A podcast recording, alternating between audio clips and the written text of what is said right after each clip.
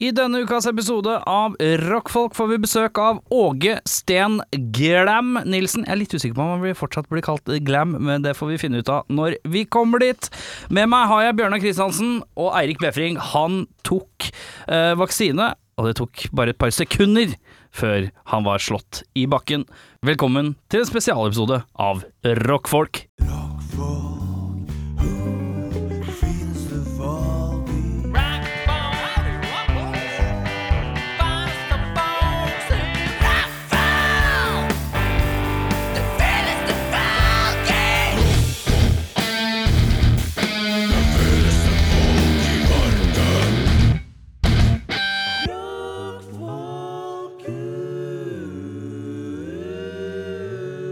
Bjørnar. Erik. Bjørnar. Ja. Å, er vi det, er vi det tette hjørnet? Vi er litt tett. Hei sann, du. Hei. Morn, du. Velkommen til eh, spesialepisode. Bare for å kjapt forklare, dette er jo hovedsakelig en podkast som har eh, undergrunnsband på besøk. I dag så føler jeg at vi tar et eh, dramaturgisk hardt skifte. Eh, og det er eh, rett og slett eh, fordi at i starten av min booking av sesonger, så har jeg en tendens til å spørre er det noen dere har med eller et eller annet. Og da var det en viss Bjørnar Kristiansen som umiddelbart svarte navnet. Åge Sten Nilsen. Og da lurer jeg litt på hvorfor. Du, veit du hvorfor? Det er Én ting er at han er ekstremt hardtarbeidende, Det tror jeg òg. og han har nok en arbeidsmoral som Kanskje mer banda vi har på besøk, mer enn de som hører på, Mm. kan ta noen eh, pointers fra, da. Ja. Du, du ser på han han er litt sånn ekspert. Får, vi- får vi besøk av en ekspert? i hvert fall ekspert på det å, å gjøre det du har lyst til, og mye, Ja, og med suksess. og med kommersiell suksess. Ja. Fordi det kommer til å være inngangsporten min etterpå. Ja. Eh, det er eh, at eh, Da skal vi da innom dette kommersielle aspektet. Men eh, det kommer vi til. Men da er det i hvert fall Det er eh, rett og slett den gode gamle grunnen til at, eh, at eh, Åge Sten Nilsen kommer på besøk i dag. Det er jo spennende, jeg har aldri prata med han før. Jeg har hørt rykter om at han er ille trivelig å prate med. Og så er han fra Sarpsborg, visstnok. Skjerping! Ja, Serping. Så det er jo ek det er jo bonuspoeng, det. Eh, eh, håper jeg. Ja. En vond, vondsinna serping. Det er, det er skummelt. Jeg, tror Fort ikke, jeg, skummelt. jeg tror ikke det fins. Jeg, tror det er no- jeg tror det er en motsatt Bigfoot. Ja, en slags reversert Loch Ness Monster. Ja. Ja, jeg skjønner. Eh, Men Bjørnar Kristiansen, eh, vi mangler jo en herremann her ved navn Oi, ja, nå fikk, ble du starstruck nå? Ja, Ja. Nå, nå gikk Finn Bjelke og kona forbi. Nå var det en som Oh. koker. Du, du har aldri møtt Finn Bjelke før? Jeg har ikke, jo, jeg har møtt den én gang. Ja, Bare riktig. sånn, eh, sånn fanbilde-møte. jeg liker rare menn! ja, men det er koselig, det. Ja, nei. Eh, men eh, ja, eh, det jeg skulle si var at eh, ja, vi mangler en viss æremann i dag, og det er Eirik Befring. Han tok vaksina, eh, ble slått ut. Han tok den halv ti. Vi fikk melding halv elleve om at han var dårlig og svimmel og ja, det uggen var og ikke bugg. måte Det på. var ikke må... Han på dødens rand allerede etter en time. Og jeg trodde det var sånn sju-åtte timer før det slo inn. For jeg har ikke hørt noe Og jeg har lignende. hørt det, at folk har blitt dårlige på kontor og sånn. Det har jeg hørt. Ok. Ja, ja, at den, det er så vidt den er innafor kjøttet, så, så blir det Psykisk? Tenker du psykisk? Det er fort gjort, tenker jeg. rett. Men vi må huske at vi dealer med en manet. En brennmanet av et menneske. Eh, ja, som er veldig blaut i trynet, som Ja. vi fant ut i forrige Han er jo episode. altså, det er ikke mye å ta i. Nei. Så vi får spør, det spørs om vi må kjøre to episoder denne uka, eller om vi kjører en, eh, en eh, Vi flyr solo. Men Ja, vi klarer oss. vi klarer oss, si. Eh, det er kanskje du og jeg som kanskje har, kommer til å stille de Kanskje de har de største spørsmålene til- på lager til Åge uansett, er det ikke det? Helt ærlig, Ja. og nå Beffa, må du virkelig høre at det her er sagt med kjærlighet. ja nå er jeg Jeg veit ikke hva jeg hadde tenkt hvis jeg hadde spurt Åge Steen Nilsen om Du, Åge. Hvis du måtte bytte ut føttene dine med en dessert Ja, det var, jeg veldig- det var Jeg kan jo innrømme at jeg sendte en melding. Ja, ok. i gruppechatten og sa eh, Pass på at vi har litt gode spørsmål, gutta. Å ja, altså istedenfor å tagge han, så var det til fellesen? Ja, Ja, bare for at eh, han skulle få det med seg? det er korrekt. Ja, ja ok. Du vet han hører på dette, sant? Men vi, vi elsker jo Eirik. Du, Det er, som jeg sier, alt er med kjærlighet. Alt er men, med kjærlighet. men det her er en fyr som har liksom skrevet eh, store låter, da. Ja. Så- Eller sånn store låter på den måten som Ja. svært få andre gjester vi har hatt. eh, Ja, ja, ja. borti. Så det er liksom sånn, skal du da komme liksom Du Åge! ja, det er litt spennende, men eh, han eh, skulle jeg sikkert gjerne vært der, og vi skulle jo i utgangspunktet gjerne hatt han her. Ja! Eller i hvert Ah, da. fall sånn 70 Det er 70 av meg som gjerne skulle hatt den her. 30 som er litt usikker på hva han kunne sagt. Men det er liksom beffa i et nøtteskall. Han er litt wildcard, wildcard på en sånn mild og deilig måte. Er han på li, altså like mye som han er den mest usikre av, av oss, også den mest sikre? I sin usikkerhet. Han er svært sikker på alt som er teknisk. Ja, det er det jeg mener. Altså, sånn, som menneske, men hva som kan komme ut av kjeften, er jo Mannen, myten, legenden Eirik Befring ligger i hvert fall, Maneten. maneten ligger i hvert fall hjemme og er litt dus i formen, om det går an å si. Men du er her, eh, Bjørnar Kristiansen, og jeg lurer på åssen har du det? det, Du, det går fint. Det går fint. Ruller og går. Hvordan er det med hundene? Du, hundene har jeg et ålreit forhold til om dagen. Eh, da min samboer har jo operert Eh, Hun har fot. operert. Hun, har en, hun skulle ta ut noen beingreier av foten som viste seg å være større enn der, og nå er hun da slags handikappet. Både mentalt og fysisk. Ja, deilig, deilig, deilig. Nei, så det går i, i henting, Ja, eh, lufting, ja, bæring, ja, kløing. ja. Ja. Hvor skal det kløs? Hvor skal det ikke kløs? Ja, skjønner. Eh, Ja, men jeg, bare fordi jeg har vondt i beinet, så klarer jeg vel å klø med henda for det? Nei. Å nei. Det, Det går ikke. Nei, nei, nei. Det, det er visse ting innenfor husets fire rammer, holdt jeg på å si, Ja. som eh, det, det kløs. Det k- k- kløs. Ja. OK. Jeg, jeg gir jo ikke grave mer i den. jeg. Nei, ikke grav mer i den. Nei, jeg lar du. den ligge. Men du, Ja. ja. Nei, så det går mye i det. Eh, hun kom, jeg kom hjem fra jobb, sliten, eh, må håndtere husets ting. Mhm. Eh, hun er overivrig på å prate. For hun er Fordi hun har jo- vært hjemme hele dagen, ja. Ja. Ja. Som introverter eh, generelt, så er- skal det jo tjatres. ja, ikke sant? Ja. Så det er egentlig det jeg driver med. Ja. Ja, Og du da, Erik? Nei, jeg driver og saumfarer eh, Finn etter den der tidsmaskinen fra Endgame, for jeg skulle gjerne gått litt tilbake i tid. Eh, Jeg har jo eh, satt meg selv i en eh, fryktelig prekær eh, situasjon med mye anger og, og kløn, så jeg går rundt med en sementblokk med en dynamittkubbe inni i maven, eh, og eh, har et team av hobbypsykologer og, og heiagjengfolk rundt meg som sier 'hold is i magen, nå må du gjøre dette, ikke gjør dette'.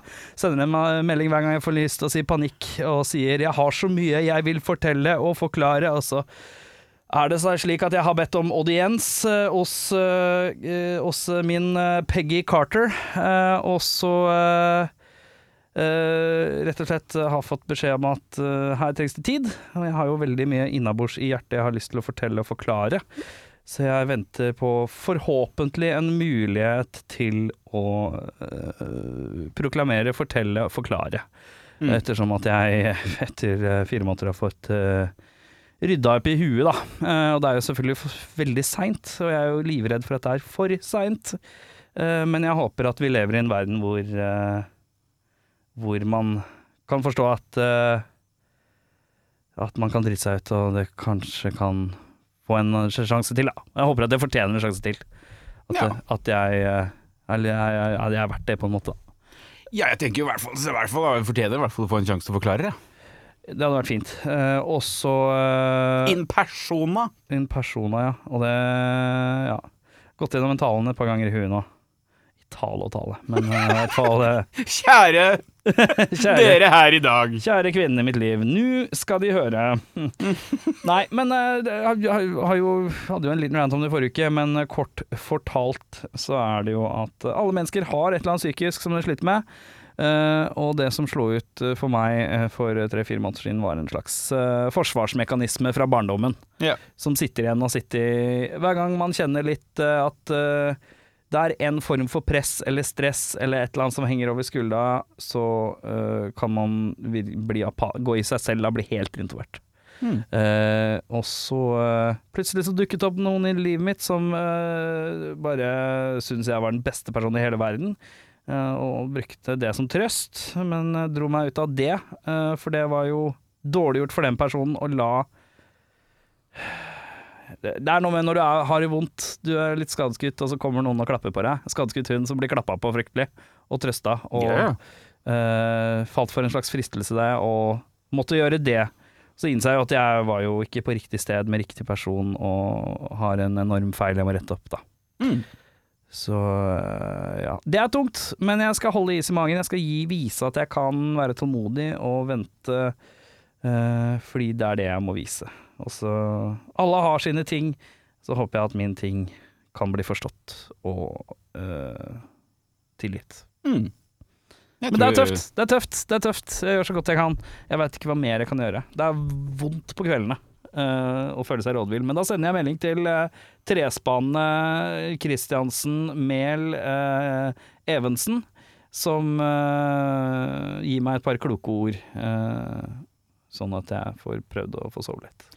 Ja, det er, det er jo egentlig sånn tips til folk som Hvis det er noen der ute som hører på, Ja. som skulle slite litt med noe. ja. Så eh, vi har jo begge sett mye på TV-serien Ted Lasso i det siste. Ja, jeg kan ikke se den ferdig. Jeg har kommet, eller jeg vet at jeg, klarer, jeg kommer ikke til å klare å se den ferdig, for dette er noe jeg må egentlig se, se ferdig med noen andre. Jo, jo, jo. men poenget mitt er at jeg tror alle det du, Hvis du sliter litt, Ja, skaff deg en eh, trener, eh, trenerbenk. En, Ja. en trenergjeng Ja. med, tre, med tre, litt, tre forskjellige ly- synsvinkler. ja, Og, og hør med de før man gjør noe som helst. Ja, og og det- så går det eh, som oftest. Så melg- velger du det som passer best. ja. Men det er, eh, sånt er tøft. Livet er tøft, eh, og så må man bare krysse alt man eier og har. Nøtter og tær. Nøtter og tær. Men eh, eh, skulle vi, trenger vi å prate noe mer før Åge kommer? Skal vi bare, bare gi all tida til Åge, kanskje? Vi gir all tida til Åge. Ja, så... Vi gir all tida til Åge. Halla, PK her fra Snør i Fanzine. Du kan få tak i fanzina vår på Big Dipper, Tiger eller ulike puber rundt omkring i Norge som selger øl, pernett og fanziner. Alternativt kan du sende meg en melding på 9301 8732, så får du tilsendt til posten. Skål! Åge Sten Nilsen, du er her. Skal jeg fortelle, skal jeg fortelle deg hvorfor du er her? Ja, hvorfor jeg er det, invitert skal, jeg her? fortelle, skal jeg fortelle deg hvorfor jeg er her? Det er for at jeg er i Oslo nå og holder på med sånn låtskrivercamp for Ja. NGP.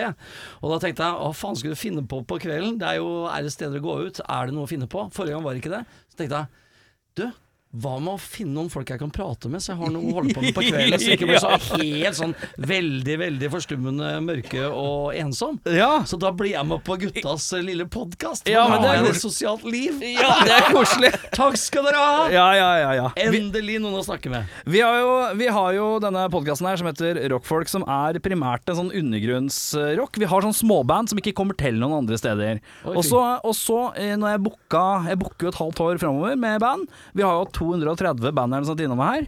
Og da eh, spurte jeg er det noen du vil ha med, Bjørnar. Er det noen spesielt? Og da kom det ett kontant svar, og det var Åge Ja, Steen men så Nilsen. hyggelig, da. Det er, liksom- Eh, eh, så eh, han er meget fornøyd at du har kommet hit. Ja, men så- jeg, eh, jeg, måtte, jeg måtte legge opp hodet mitt litt, fordi at jeg er jo vant til å snakke med smågutter. Hvis Ja, du men skjønner jeg hva er jeg jo heter. bare en smågutt fra Sarpsborg, jeg òg. Så, Ja. så, så enkelt er det. Og jeg er jo også er en undergrounds-artist og kommer akkurat fra det samme segmentet. Og det er liksom eh, Men hvor begynner vi med deg, Åge? Hvor begynner vi med deg? Det kan begynne her og nå, da. Så koselig å være her og, og sånn og sånn. Og så, eh, og så kan Hvor vi snakke litt starter, om- hvor starter rockens reise?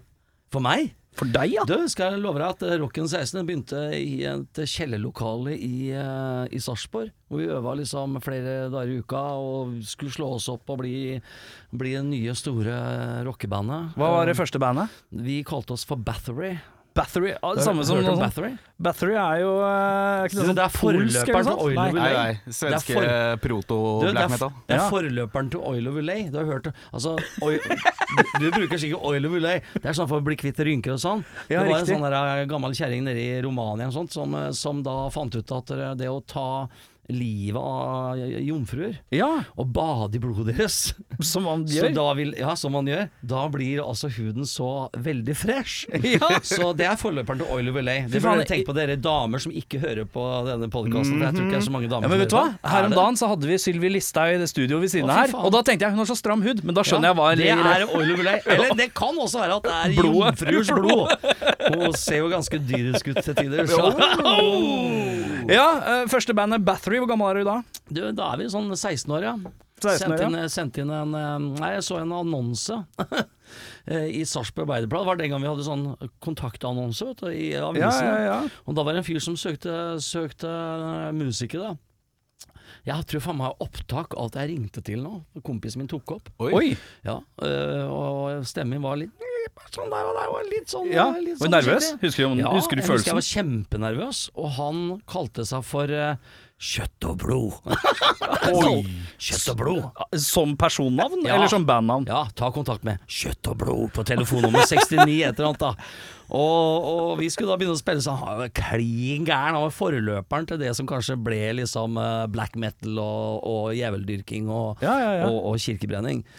Vi, vi, jeg vet ikke, vi fant ikke helt tonen, så jeg starta som andre gutter, og da ble det Tomorrow. Ja. Og det var litt mer sånn Dokken og Motley Ja. Crue og sånn. Men hva var det som var eh, Hva var det du tenkte var eh, Jeg hører på sånn her, og jeg er keen på å spille sånn her. ja, det var sånn jeg var. Ja, og hva var det du hørte på? Du, og det hva var- var det du hadde lyst til å lage? Å, du vet, det var Kiss og ACDC og Iron Maiden. eh, Vi var litt sånn Iron Maiden-aktig, altså. Ja, Veldig riktig. progressivt. eh, Lange låter. eh, tang, ka, ka, tang, ka, ta, tang. Ja, ja, ja. Ja, låter om krig og, og store ting. Ja. Alt som du har deltatt Ja, ja, i. Mange ja. kriger som Ja, du har deltatt ja, ja. Og vi- jeg husker første pressebildet, han hadde øks i hånda og greier. Vi var så jævlig tøffe!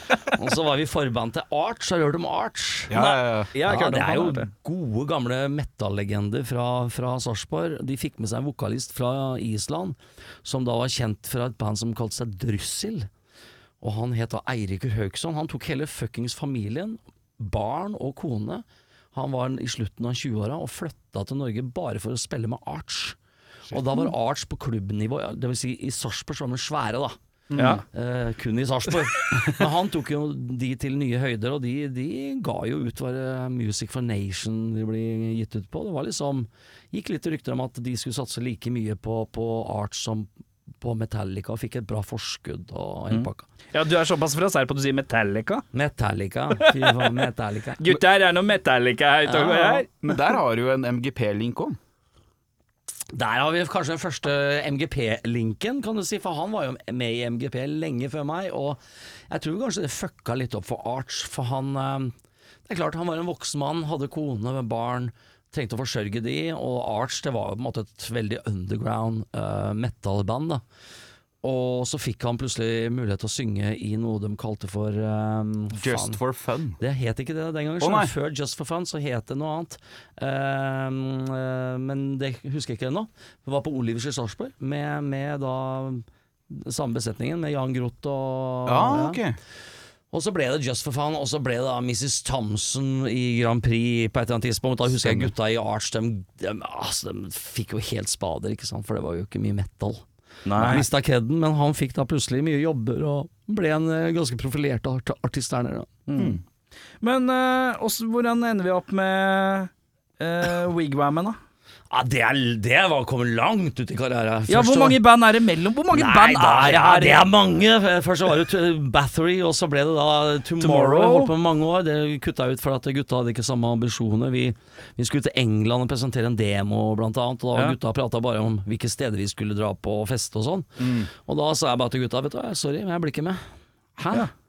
Nei, det- Dere skal jo på festetur, jeg skal dit ned for å selge den jævla musikken vår. ass. Ja. Mm. Det er jo derfor vi skal ned, vi skal jobbe for faen, dere skal jo bare på konserter, det gidder jeg ikke. Nei. Så da slutta jeg, og så begynte jeg et annet band i Halden. Tok over eh, jobben eh, etter en vokalist som heter Dag Brandt, hørte man? Nei.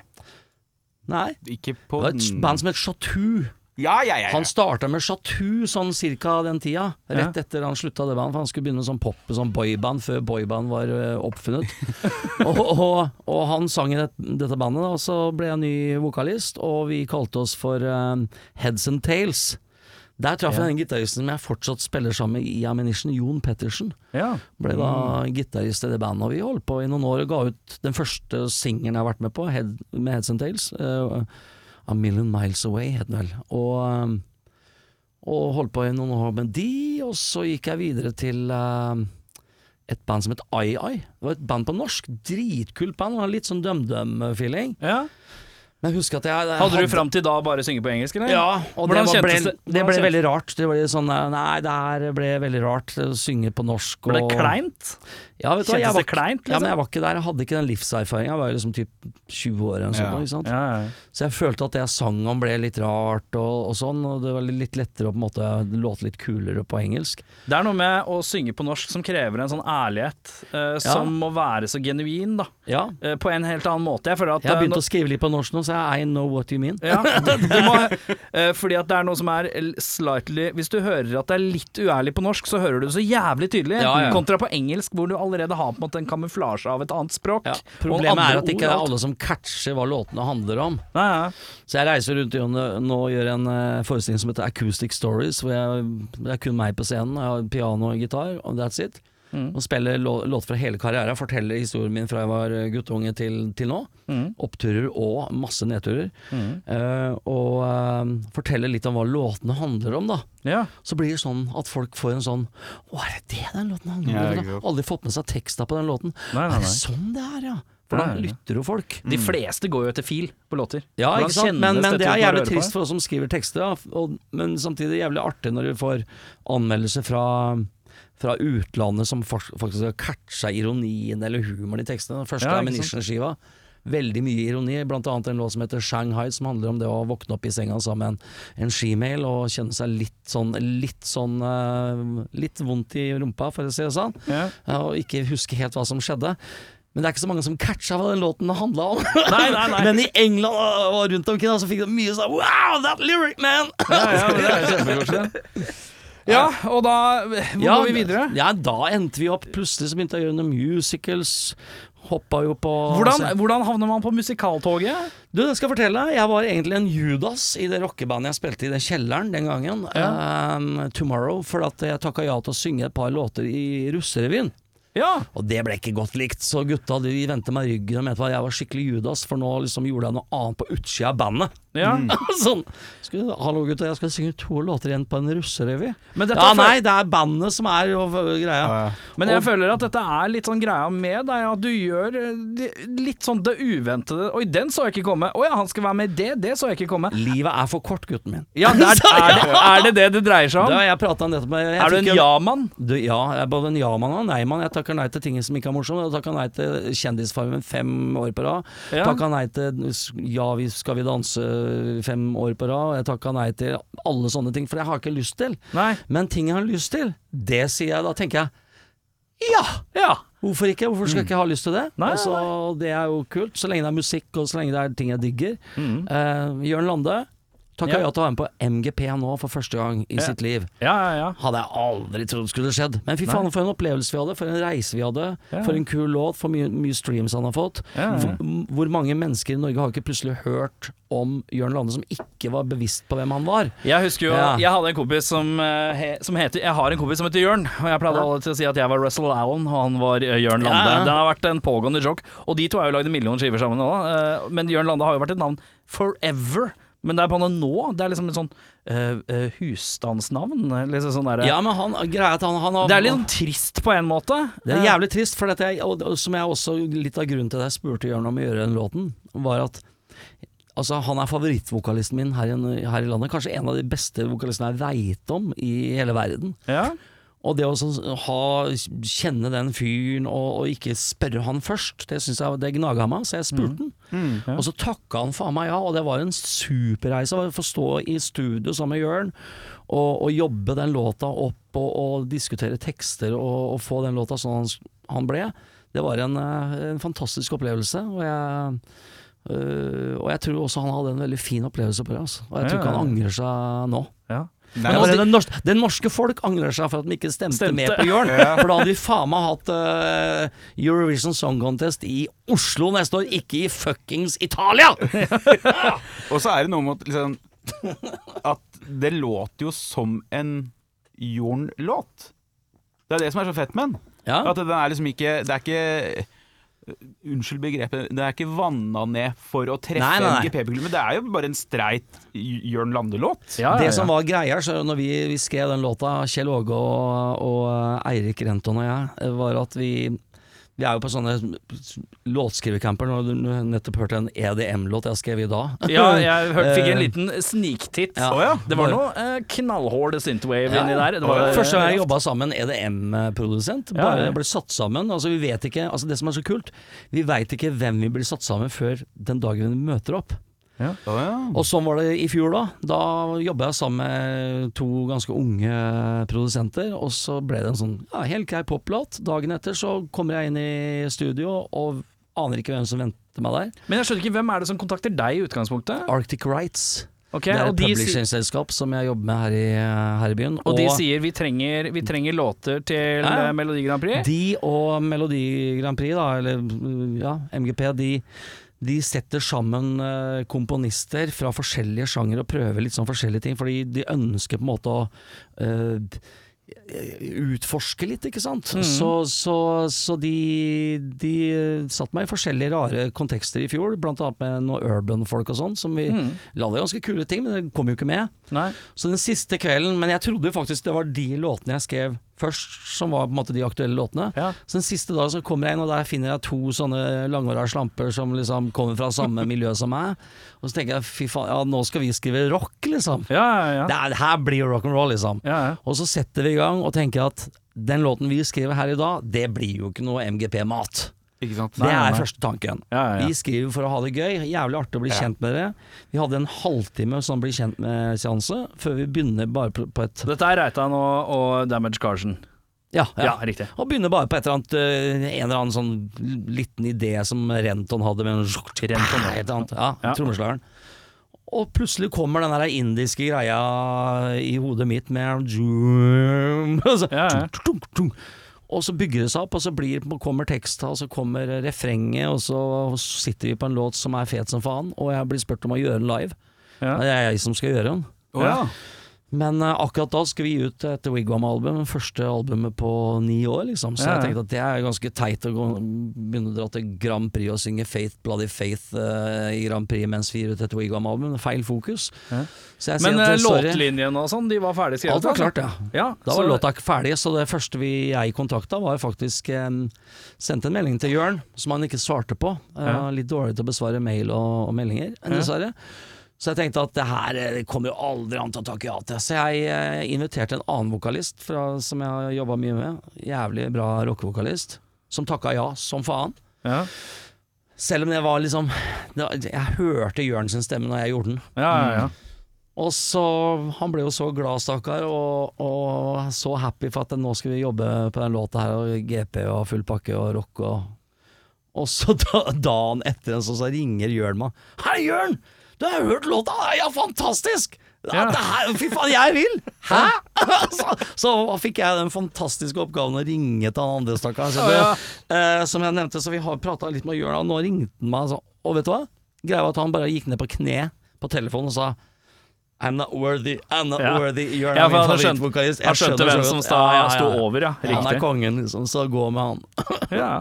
Men eh, vi ruller videre i din karriere. Eh, vi, har, Ja, hvor har vi kommet? Vi, har kommet til, vi er jo en sånn bandrekke, Vi er på, da. vi er på russerevy. Vi er på russerevy. ja. Og da tenkte jeg at dere, da skal jeg være litt Judas, skal jeg synge noe annet enn bare sånn heavy, for Ja, jeg sto ja, bare i ja. en kjeller og spilte en konsert om året. Så da, og på den russerevyen traff jeg en jævlig interessant herre som var eh, regissør, han het Gusti Utterdal. Ja. Og han catcha et eller annet, det er meg, da, eh, i forhold til scenetek eller noe sånt, gud vet, det var et eller annet han så i meg. Mm. Så han satte meg inn i en sånn power-trio Ok. med to andre vokalister som han På den tida, du husker karaoken? Karaoken. Ja, Ja. karaoke var liksom veldig stort Ja. på 80-tallet, og så kom det en periode hvor karaoke begynte å dale litt. Og da begynte man å lage sånne karaokeshow. Ok. Ja. Eh, for at eh, folk begynte å bli dritlei av å høre på sånne som bare gikk litt drita fulle og ikke kunne synge.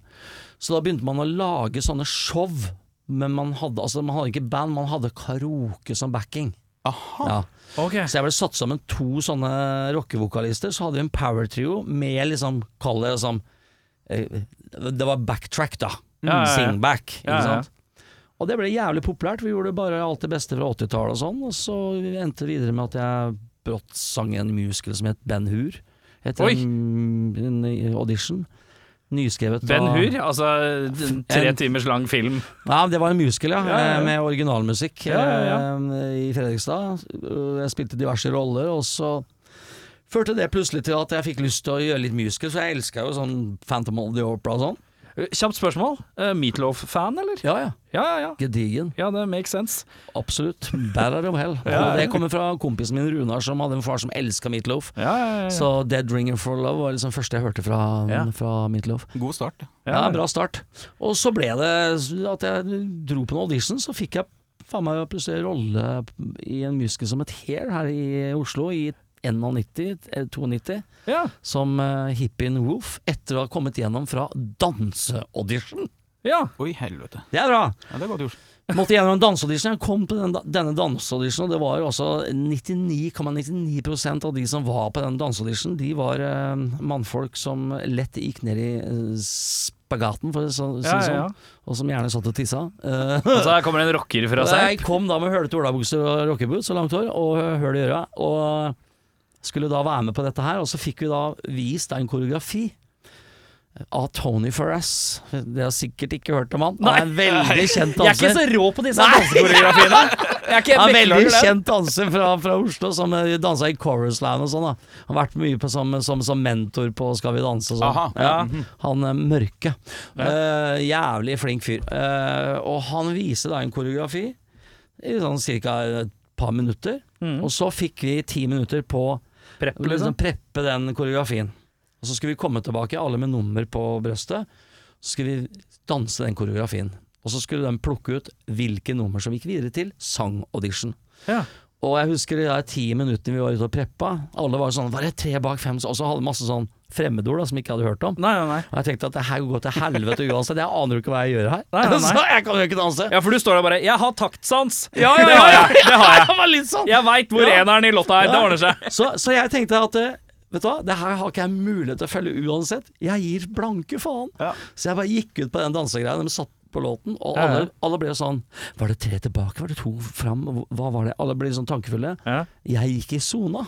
Så jeg var i den der I den hippieverdenen, jeg, og bare hadde- hadde freestyle for meg sjæl. Du bare dreit i Ja, ja, koreografien ja, helt. jeg var ikke i nærheten av koreografi! Jeg bare hadde min egen lille mantragreie, liksom. Jeg var, «Hey!»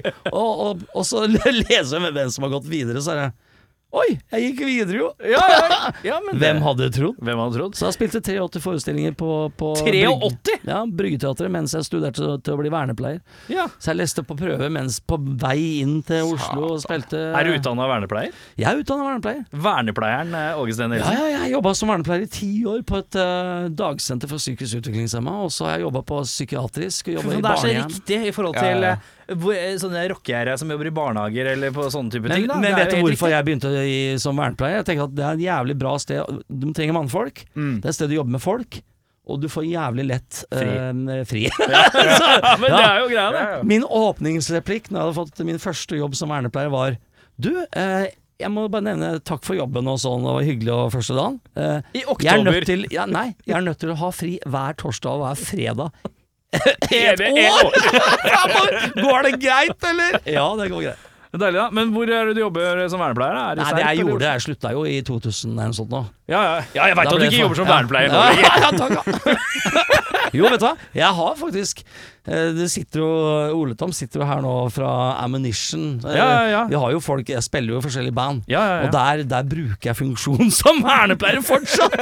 Sånn meglingstaktikker og Ja, sånn. ikke bare megling, men det vet du, at folk trenger Blir Vi begynner pratet å til bli på en god voksne, måte. Det er jo folk trenger å få på seg nattpleia si, og det er, eh, det er eh, stikkpiller, og det er jo full pakke. Så det er jo Ok, vi er, Geriatri av til delingen på, på tur. vi er ferdig med hair. Hvor skal Ja. vi da? Du, da går vi videre til eh, plutselig Rondo. Rondo? Jeg husker Rondo. Ja. Det var et program med Petter Nome som gikk på NRK. Petter Den gangen- Mm. Nome, ja? Ja, ja. Petter Den- Nome var naboen til tanta mi. Ja, han var kul. Ja, han, var, eh, Rolig type. han var hele Norges, liksom, kall det underholdningsanker, Ja, eh, ja, sånn ja, i ja. begynnelsen av 90-tallet. Så husker jeg han- Han ble sammen med Hilde Hummelvold. Hun hadde jeg crush på, husker jeg. Hun var sånn NRK-person. jeg synes- Men da var ikke du mer enn sånn fem-seks år. Det var Nei, tidlig nei, å nei, begynne, nei. synes jeg. Den seksuelle karrieren din vil jeg høre mer om. Tidlig på, tidlig på. tidlig på Eh, Men ja, eh, Ja. hun syns jeg var fresh. Nei, jeg var på audition der, da. og Så for Paul Flåta Han hadde plutselig fått eh, deal med bandet sitt Midnight Choir, så han var Ja. jo med første sesongen. Så da ble jeg plutselig med i ble ansatt av NRK for å være med på, på Rondo som syngende servitør. Og det vil si at vi kora for alle artistene og sånn, og så det var liksom servitører da, liksom, men vi, hovedoppgaven var vi var korister, og så sang vi noen låter, vi hadde egne låter hver, hver kveld, og da hadde vi liksom 800-900 til en million seere hver fredag. Ja. Det var liksom senkveld den gangen uten at det var noe konkurranse og ikke noe streaming. Nei. Så alle så på, på Rondo, og vi reiser på norgesturné, husker jeg. Eller en gjeng der, fem-seks sånne servitører som reiser på norgesturné. Ga ut eh, plate. Første skiva jeg ga ut, faktisk, var Rondo Sauetøene. Og ble kjent med jævlig mange eh, flinke folk. Hadde med blant annet eh, Boge, spilte jo bass i dette bandet på Ja. turné. Og, og eh, Anders Busch på keyboard, han er jo nå en kjent lysmann her i, i Oslo. Så vi reiste på turné med det, og så traff jeg den karen som sitter bak her, så i Oslo, og vi begynte å spille et band som het eh, den gangen eh, Faen, hva het vi det første bandet? Sweet Fanny Adams, helt fram til vi skjønte hva det betydde. Og så, eller hvis vi visste det, men gitaristen visste ikke, og han var kristen, så da ble det jo sånn at vi bytta navn til Scoop. Og Ja. vi turnerte jo land og strand rundt. Rock faen ikke å gi ut noe, men vi, ga, vi, vi gjorde en deal med Ronny Tekerø. Ja. Så vi begynte å spille inn vårt første album Ute i Toten der et eller ja, annet ja, vi begynte å spille inn eh, vårt første album hos eh, Tekran. Han signa, så han var helt i hundre. Jeg spilte tolvstrengs Rickenbacker. Det var sånn The Who. Litt Oi. sånn Beatles, eller det var veldig sånn 70-feeling, da. sted? Ja, ja, ja. Jeg, får, jeg har hørt du snakke om det bandet her før. Ja. Jeg får litt Jellyfish. Ja, nei, vi var ikke, så- vi var ikke Jellyfish er kanskje litt, litt mer Queen. Vi var litt Ok. mer The Who, altså. Ja, ok. Vi var ned til, vel, mer ned på 70-tallet. Kanskje vi spilte litt sånn Spooky Tooth-feeling. The Knack, ja. Ja, ok. Det gjorde vi faktisk. Den derre My Corona gjorde vi jo mye. Ja. Ja, Sånn, ja. med Litt sånn- My Corona. ja, ja. Så vi holdt på i mange år, og eh, på et eller annet tidspunkt så ble det sånn vi eh, med den plata Det var egentlig den plata vi begynte å spille hos, hos Teke, som dro oss litt bort fra hverandre. For jeg kom, jeg kom jo fra en sånn hardrocks-verden. Mm. Så ble jeg dratt inn i en sånn eh, 70-tallsverden som jeg digga. S- Og vi, vi rendyrka det. Så kom vi opp i studioet til Teke, og han hadde jo fortsatt den der hardrocks-verdenen i begge bena. Så han begynte å dra meg litt inn i den hardrocks-verdenen igjen, og det dro kanskje bandet litt ut på viddene fra det det var. Det ble Ja. mer sånn heavy. Mer sånn, vi lå nesten litt som det der av- Hva heter prosjektet til Morten Abel? Eh, Pelts? pels. Det var litt sånn pels over det, på en måte. Ja. Skulle liksom være litt moderne, 90-tallsaktig, men med røtter i 70-tallet, men så med litt for mye 80-tallsflavor, hvis du skjønner. Ja. Oi. Så, ja, Det var en det var buffet av ja, greier. det, var, det var veldig mye rart, eh, så det endte jo med at jeg eh, begynte faktisk å lage noen demoer for min egen del. Eh, tenkte jeg får satse på noen solokarriere. Jeg var lei av at bandet gikk i oppløsning og sånn. ja, for du har liksom vært igjen et par runder allerede. du. ja. Så, og da, allerede da hadde jeg vært et par- par-tre runder, så da begynte jeg å tenke på noen solokarriere, og så begynte jeg å skrive låter. Spilte inn en demo på norsk, engelsk og svensk. For det Svensk? Første, ja, første skiva mi skulle bli gitt ut på tre språk. det er jævlig bra! vet du. Nei. Jo, jo. Ja, Og ok, så- du, du, ok, så du hadde ei skive Du hadde noen låter, og så spilte du den én gang på norsk, én gang på engelsk og én gang på svensk? ja, svensk. og Samme med- låta? Ja. Og det, ja, ikke se på meg som jeg den, gjorde, ja, jeg selvfølgelig! gjorde det! Jo, jo, Jeg er jo jo. spist Jeg skrev denne alle gærent. tekstene på svensk, engelsk og norsk. Ja. Og så- for jeg syns det var så spennende å se. Men er du god i svensk, da? Ja, jeg har bodd i Sverige i mange år, så mora mi er halvsvensk. Eh, Å ja, ok, der. Det var jævla rart hvis du ikke hadde Nei, fått nei, det. liksom. nei, nei, nei, nei, nei. Men, så jeg hadde svensk veldig innafor. Så, Ja, ok. Men så tenkte jeg at ja, hvorfor ikke, da? Det er jo litt Ja, ja, for faen. artig å høre åssen en låt låt på svensk kontra norsk kontra engelsk. Skrevet en, så jeg spilte inn seks låter eller noe sånt, og reiste på en sånn liten tur rundt og presenterte for eh, plateselskaper. Ja. Og alle rykka jo litt sånn på nesa. eh, Trippel Ja, trippel-CD! ja, veldig bra! Og så endte jo med at dere På det ene plateselskapet så satt Kyrre Fritzner, som nå spiller i CC Cowboys. Ja. Han eh, hadde jo da skrevet en låt som han hadde fått med i Grand Prix. Og så lurte han på om jeg hadde liksom være med å skrive den ferdig og sånn. da ja.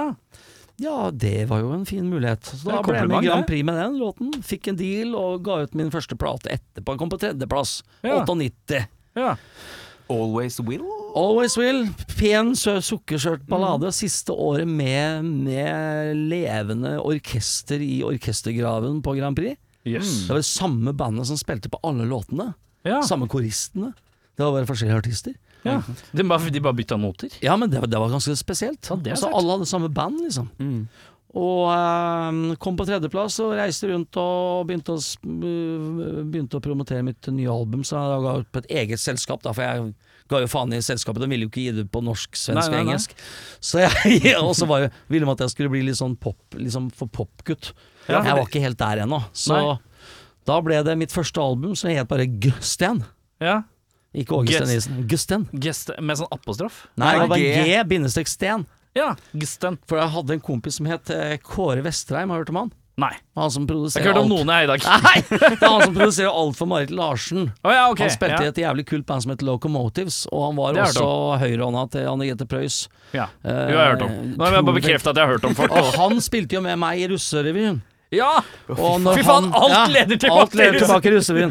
Og når, når, eh, når, han, eh, når han eh, begynte å få litt sånn med locomotives, så tenkte han at kan ikke hete Kåre Vestheim med Å. Så han skrev K-re. Så Kre! Kre, ja. Eller Kåre. Kre. Kåre, da, vet du. Ikke sant? ja. Tenkte, det skal jeg gjøre. Jeg bare- Jeg tenkte jeg skal ta det enda lenger. Jeg kutter både ut Å-en og En. Og bare blir Gøsten! Ja, Altså. Ja, og så da satte jeg i gang med det, og så var det et soloprosjekt der, og så og så da, da var jeg faktisk mitt eget plateselskap eh, og booker og alt. Jeg gjorde alt på den skiva. Ja, ja. Tenkte at det her er faen meg tungt, ass. Selvfølgelig. Og jeg var da noen og 20 år, kanskje 25 eller noe sånt nå, 26, 27 kanskje. Og da, hver gang jeg var med på sånn VG Topp 20-lista, for det var liksom etter Grand Prix, og den låten hadde ligget 16 uker på, på, på radiolista og sånn. Så hver gang det var en sånn omtale, så sto det altså Og den gamle rock, så kom den gamle rockeren Gesten. Så der, ja. Oi, Alle de andre var 25 jo- år gamle. Ja, men de andre var jo 15-16. Det Å skulle, ja, jo- såpass, ja. skulle være det, vet du. Ja, ja. Det skulle være petit på den Ja, tiden. ja, ja. Helst være upult før de gikk på scenen. Så, så da tenkte jeg vet du, hva, det, er, nå har, det har gått forbi meg nå. Nå kan jeg bare glemme, gi opp drømmen. Oi, oi, oi. Ja, jeg Ja, ga men det opp. er litt rart, da, for det her virker som en 180 i en eh, fyr som fremstår som en ganske optimist uh, fram til dette. ja, men da ga jeg opp. Ja. Husker jeg, da, jeg husker jeg, jeg slet sånn med den skiva, og, og hvor mye jobb det var, og hvor mye motgang. Da, så Og jeg, da tenkte du liksom nå skal jeg tilbake til å være vernepleier? ja, og da bla, bla, tenkte bla. jeg fortsette. Jeg var jo vernepleier, for jeg jobb- jobba jo dobbelt mens jeg jobba med, med og- For jeg kunne ikke livernærme meg på, Nei. på, på dette her. Så da, da ga jeg egentlig opp, og så tenkte jeg at vet du, kanskje jeg skal gjøre bare ting som, eh, jeg, som jeg er brukende til, nemlig å lage show, da. Ja, Så jeg lagde et eh, Creedence-show med Jan Groth, som jeg var med på sjæl. ja, Gode, gamle Jan Groth fra Aunt Ja, Mary. ja, ja. ja. Så jeg fikk faktisk han ut av Håge Samuelsen-helvete og inn i rockens eh, himmel Rike. igjen. Ja, ja. Eh, og for han ville jo egentlig ikke gjøre rock'n'roll lenger. Han Men var jo- Creedence-show, hva innebærer dette? Å Spille Creedence-låter Vi, fi- jeg fikk et oppdrag fra et utested i Sarpsborg å lage, sette sammen et Creedence-show. Fikk en budsjett, og, og, og jeg hadde en sånn tanke i forhold til Creedence at vet du hva, det er jo sånn du hører på danskebåten. ja. Eh, Jeg hadde ikke noe forhold til Creedence. Jeg kjøpte alt av Creedence, dykka ned i materialet, og skjønte at fy faen, alle de gangene jeg har hørt Creedence eh, live, det er jo bare sånn kvasi-Creedence. Det her er jo faen meg ekte vare. Det er jo sjel, for faen. Ja, ja, Det var jo så mye gull der, så jeg, fikk he jeg ble helt Creedence-fan. ja. ja, ja. Når du liksom skjønner at eh, det er forskjell på å skri- spille de tre akkordene på den måten og på den måten. ja, ja, Ja, ja, ja. Fikk med Geir Sundstøl på gitar. ja. Han er En av Norges beste gitarister. En f- Fantastisk band rundt eh, Jan. Og det ble en kjempesuksess med altså Det var ikke Creedence sånn som du forventer å se Creedence. Altså, jeg kommer fra Kiss. Skjønner du? Mm. Du så jo hva Kiss gjorde med Garth Brooks, som plutselig kjørte pyro og sånn. Sånn var vi. ja ok. Creedence med helikopterlyder, pyro fra helvete og liksom, Det var liksom ordentlig sceneshow da, med Ja. Creedence-musikk. Born on the Bio, da var vi i jungelen, skjønner du. Ja, ok. Og det var liksom eh, Vi lagde Vi scenesatte hele greia, så det blir kult, da. Så det var liksom sceneshow, ikke Jeg liker bare Jeg sånn driver og ser for meg litt sånn her Ja, det var svært. Åge eh, spiller eh, Creedence i en slags eh, Vietnam-setting. Ja, i en men pub i Serp. Ja, ja, men for det var jo liksom greia rundt eh, Ja, ja. enkelte av låtene, så da dro vi det inn i Vietnamkrigen med Ja, ja, ja. bomber som smalt rundt omkring og sånn. Ja, ja, ja. Så folk var Å, fy faen, jeg har ikke den tenkt at hun skulle få et sånn Kiss-show. Nei, nei, nei. Men hun fikk da, altså Creedence møtte Kiss på en god dag i Ja, Sarpsborg. Og så ble det et Eagle-show som jeg ikke var med på sjøl, men jeg dro med Pål Flåta og Jørn Lande. Første gang jeg jobba med Jørn, faktisk. Ja. Og eh, Eirik Haugsson i et sånn Eagle-show som jeg produserte. Og så På samme sted, eller? Ja, på samme sted, men alt det her liksom begynte jo da å turnere litt rundt omkring. Da. ikke sant. Og så, eh, og så ble jeg ringt opp av en fyr som het Trond Holter, som hadde vært eh, Øva mye i nabolokalet i Halden. Det, tu- eh, Heads and Tails øva i Halden. Ja. Og der ble jeg jo kjent med en fyr som het Trond Holter, som hadde spilla med Ole Evenrud. En Jævlig kul fyr, og jeg digga spillestilen hans. Og han hadde jo da satt i gang med Dream Police, og jeg var litt fan av Dream Police, syntes det var drittøft. Og så ringte han meg og lurte på om jeg hadde lyst til å være med på et sånn jam-band. da. Ja. Så jeg ble med han og en som het Øystein Andersen, som hadde spilt trommer i Shaboom. Og, en, og bassisten til Henning Kvitnes, Torkil Varfjell, som var med sånn på Bob Dylan-nivå. Vi skulle Ja, ja, ja. hjemme da hver fredag på en kveld i hallen som het eh, Absolutt fredag. Ja. Og vi het Absolutt Fredag-bandet. Og så ble det litt sånn der eh, Han Torkil ville ha litt sånn der Bob Dylan og liksom Jeg var ikke der helt. da. Vi, vi andre gutta hadde mer lyst på liksom Van Halen, og at endelig kunne vi spille hva vi ville, liksom. Ja, ja, ja. Mm. For på den tida var jo rock'n'roll passé. Ja, ja, ja. Det var helt, eh, helt bort. Mm. Så vi, eh, vi fant ut at eh, vi bytta ut han bassisten. Så fant vi eh, Bernt Arne Johnsen fra Arch i Sarpsborg. ja. Så han joina, og det her ble jo en kjempesuksess når vi spilte sånne rockelåter du ikke trodde du skulle få hørt på 90-tallet. Eller nå snakker vi eh, ja, slutten av 90-tallet, begynnelsen av 2000. Men eh, u- under alt dette her, driver det og eh, virrer en låtskriver som er slightly nedtrykt, da, eller? Ja, ja, han har, låtskriveren der har egentlig tatt litt kvelden. Eller det vil si, jeg begynte faktisk da, Jeg hadde da signert en publishing deal med BMG Publishing. Ja. Så jeg var og presenterte låter, men jeg hadde jo ikke stu... a- Aldri hatt ro i ræva. Nei. Så det å sitte og lære seg sånn studiogreier, og spesielt på den tida der, da Skru på knottene, det er Nei, vet slitsomt. du hva, det er slitsomt og veldig tidkrevende, og det har ikke jeg ro i ræva på. Så jeg skrev låter og spilte inn sånn helt akustisk. Bare hadde, hadde jo en, hadde for eksempel noen sånne presentasjoner blant annet på Universe og sånn, hvor jeg bare kom inn i lunsjpausa til gutta. Mm. Eh, hvor Ken Ingversen, som nå spiller gitar i, i solobandet mitt, Ja. eh, kjenner til Ken, Ken Ingversen, spilte med Ken Hensley i mange år, Nei. fra Uriah Heep. Det er eh, Jeg, jeg hørte Jeg- om Ken jeg- Hensley, men jeg kjenner ikke Ken til Hensley, han. Ken, Ken Ingersen spiller også i Love Shack, det har jeg hørt om. Altså, vet du hva? Det er vel Jeg sånn blir satt i partyband fra veggs, eh, Sarpsborg. Partyband. Nei, fra Sarpsborg, fra Jeg stiller Oslo. opp på partyband fra Sarpsborg. Vi Jeg var- er 34, jeg føler at jeg er Jeg har hørt om akkurat Love Shack, en vel? De var fast inventar på smuget, var de ikke det? Ja, ja, Love Ja, Shack, ja, ja. vet du. Det, hvis Han du er- lurer på en ekstraband, still på han. Han, har, han er ca. syv år eldre enn meg, så han har litt mer i Har du pleie. hørt om Ken Ingersen? Ja, ja, ja. Ja, fantastisk gitarist. Han, han var da eh, jobba for BMG Publishing, så han kom og presenterte meg da. Eh, vi vil bare presentere deg en ung låtskriver der fra, fra Sarpsborg. Så kom jeg igjen og spilte, spilte låter, da. Mm. Og eh, Nei, det fikk jo ikke akkurat eh, bein å gå på. Nei. Så, men dette Wigwam-opplegget Det begynte jo da med denne Absolutt fredag. Denne jambandet, ja. Ja, for plutselig så var det noen som hadde vært og hørt oss og hørt eh, musikk fra, fra 80-tallet som de digga og, og skulle ha et 80-tallsparty. Det var liksom starten av 80-tallspartys begynte å bli akseptert igjen. Ja, ja, ja. Under 90-tallet så var jo 80 helt totalt uhørt. ja, ja, Begynnelsen av 2000 så var det liksom 80-tallsparty, det- da begynte det å bli litt kult igjen, 80-tallet. ja. ja. Og da fikk vi et gig, plutselig liksom bare noen uker eh, liksom, eh, Et par uker så var vi sånn 80-tallsparty, kunne dere tenkt dere spilt? Og da, da møtte jeg gutta og sa at vi kan ikke hete Absolutt Fredag-bandet. Nei, det er jo litt platt. Kan ikke dere ta med dere noen sånne der, eh, Ta med noen sånn 80-tallsgreier, og så f- tar jeg med det digitale kameraet. Vi har sånn digitalkamera fra jobben på, ver- som vernepleier, vet du. Tok jeg med det, og så tok jeg bilder liksom, tok vi bilder av to og to, og så satte jeg det sammen. Det var et sånt program. Etterpå, ja. Fantastisk! Og så lagde jeg en plakat, da, og så fant vi ut at vi skulle hete Wigwam, da, The Greatest Show in the Galaxy. Ja. Så fant vi da på liksom de, de navna. Det var tre dager før vi spilte. Ja, Glam Teen i Sporty og Flash. ja. Og det var veldig, veldig tilfeldig, fordi at eh, jeg hadde da gjort et eh, rockeshow når jeg holdt på med det her eh, Hvilket Creedence- år er vi i nå, I cirka? 2000. Ja, ikke sant? Og da på, på Det er rått å 90-tallet velge sporty, syns jeg. Nei, men han hadde sånn sykkelshorts. Jo, men det er noe med midt i da, Vi er midt i Spice Girls-greia. Ja, ja, ja, ja men, men, men han hadde sånn sykkelshorts. Og det sier kanskje litt om ambisjonsnivået, da. Jo, jo, Det jo. var bare artig. ja, ja, ja. Han hadde en sånn mintgrønn sykkelshorts, sånn veldig tight, og han ble så sporty, så da ble han sporty. ja, ja, ja. Og, og, og Bernt han hadde med sånn, husker du Nei, du husker jo ikke det. Jeg husker jo ingenting, jeg. Pelle Parafins Bøllevann. Jo, det husker jeg. Ja, han ene, han Ronny der, han hadde sånn hjelm, vet du. Ja, riktig. Husker du? Hjelmen. Sånn hadde han Bernt med. Så, så han ble liksom flash. Sånn, sånn fartshjelm. Ja, ikke sant, ja, Ja, riktig. han var liksom sånn fa- ja. Og Trond han hadde jo kort opp i den tida, så han hadde tatt med seg en hvit sånn der eh, parykk. Så han så ut som en sånn tenåringshooker. Så han ble teeny. Og jeg hadde med leppestift, husker jeg, for at jeg, vi hadde jo nettopp gjort eh, noe som jeg kalte rock'n'roll adventure på begynnelsen av 90-tallet, mens jeg holdt på med hair og sånn. Ja.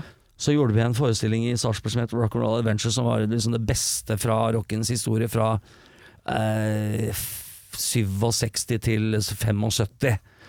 Jævlig Åh. konkret eh, årstall. Ja, men eh, vi Jørgen. hadde liksom sånn ti år, nesten sånn tiårsperiode. Liksom, for vi skulle ha liksom fra Jimmy Hendrix og Vi gikk ikke helt tilbake til Nei. sånn slutten av Beatles, og så begynte hardrocksperioden. da. Vi skulle Mhm. ta for oss hardrocken, vi da. Mm.